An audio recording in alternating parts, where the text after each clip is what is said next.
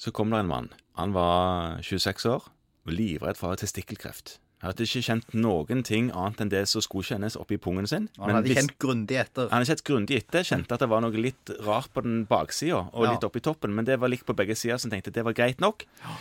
Og så sier han det er jo en sånn kreftprøve for testikkelkreft. Den vil jeg bare ta. Kan vi ikke bare ta den, så slipper jeg å tenke på det? Ja. Dette handler om screening. Dette handler om screen... Altså, ja, det handler ikke bare om screening. Dette handler jo til en viss grad om case-finding, men, men dette handler jo om prinsippet om å leite etter en sykdom som det er liten sannsynlighet for å finne. Ja. Og, og i sin ytterste konsekvens er jo det du nevner om screening.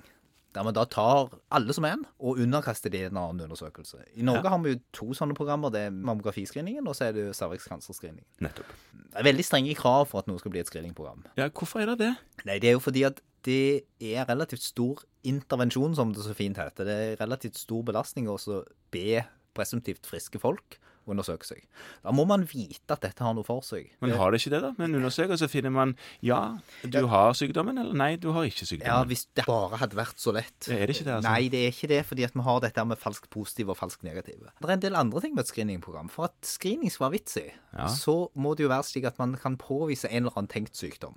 På et tidspunkt der sykdommen ikke har utvikla seg så langt at den er uhelbredelig. Og så at man da kan gjøre et eller annet på det tidspunktet som gjør at den ikke utvikler seg til å bli uhelbredelig. Sånn at selv om du kan påvise en sykdom tidlig, hvis du ikke har behandling for den, så er det jo ikke noe poeng i det. Det medfører jo bare flere år med elendighet. Ikke sant? Så, så hvis du på en måte ikke har behandling, så er det jo ikke noe vits i. Da, da bør man jo grunn finne det ut så seint som mulig. Og det er ikke alle sykdommer som er sånn. At de på en måte har et stadium der du kan gå inn og gjøre noe, så får du et annet prognostisk forløp. Nei, det er jo akkurat det. Det ligger i bunn. Det er ekstremt viktig. Ja. Det andre er jo at det skal være en sånn kost-nytte-effekt av dette. Det vil si at alle disse ressursene som vi pumper inn i å gjøre undersøkelser av relativt friske folk, eller helt friske folk, det skal da for samfunnet lønne seg. Det er jo en veldig vanskelig diskusjon, ikke sant? For da havner du inn i sånn Hvor mye er et liv verdt, da? Eller hvor mye er et år verdt?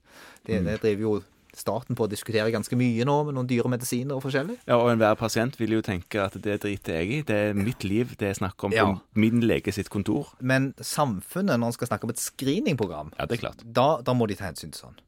Og det siste eh, som jeg har lyst til å trekke fram, det er jo dette at du ikke skal påføre noen skade når du gjør screeningen. Og det vil si at det er klart, hvis du tar en enkel blodprøve hos fastlegen, så er jo det kanskje ikke noe som i utgangspunktet påfører deg så stor skade. Nei, ikke den i seg sjøl, men det er jo følgene av en falsk positiv, f.eks. Følgene kan påføre deg en skade.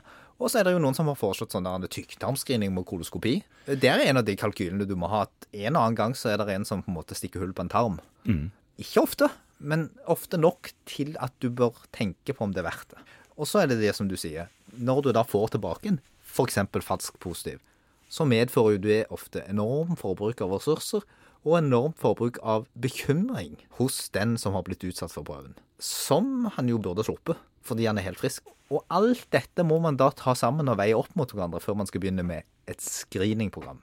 Og det som viser seg, er at det er ganske vanskelig å finne sykdommer som egner seg godt for dette. Ja. Fordi at i de fleste tilfeller så er ikke prøven god nok til at du klarer å skille mellom friske og syke. Det er i en populasjon med veldig få tilfeller, sykdomstilfeller, så vil prøvene ofte ha veldig mange falsk positive, som på en måte gjør at du undersøker langt flere enn det du trenger. ja. Og for det andre så er det en del, ganske mange sykdommer der forløpet går nå sin gang uansett hva vi finner på. Og de dør omtrent på samme tidspunkt uansett hva vi gjør. Vi bare fant de litt tidlig. Vi fant de bare litt tidlig. Ja. Og hvis det er tilfellet, så faller jo verdien av et screeningprogram betydelig. Det gjør det. Ofte helt bort. Nå har vi snakket ganske mye prinsipielt omkring dette med screening. Ja. Og vi taler antagelig litt for menigheten, vil jeg håpe på. Men i møte med den enkelte pasient, hva skal han liksom fokusere på for å få de til å forstå at denne prøven, denne kreftprøven, denne PSA-en, denne testikkelkreftprøven, disse cancerprøvene for eggstokkreft, alle disse tingene, det, vet du hva, vi skal ikke ta det. Vi skal la det ligge, vi skal ikke bry oss om det. Hvordan skal vi få pasientene til å forstå det? Nei, det er ikke lett. Eh, Og jeg tror det vi må gjøre, er å prøve å forklare dem at det ikke er en kreftprøve. At det ikke er en prøve som sier noe om de har kreft, men at det er en prøve som stiger i noen tilfeller ved kreft. Ja. Og det gjør at de fleste av de er veldig dårlig egnet til å utelukke sykdom, og de er veldig dårlig egnet til å påvise sykdom. De er ganske greie enkelte ganger iallfall til å følge sykdom. De er veldig greie til å følge sykdom, for da vet man jo noen ting i forkant. Ja, For det er en helt annen populasjon vi da snakker om. Det er en helt annen populasjon. Og min erfaring som eh, etter hvert for en fastlege, er jo at hvis man bruker tid på å forklare sin egen lille populasjon, og sin egen lille menighet som omtrent dette, så lar det seg forklare. Men det krever litt innsats, og det koster litt tid, men det er ofte innsats man bare trenger å legge inn én gang, så har de forstått det.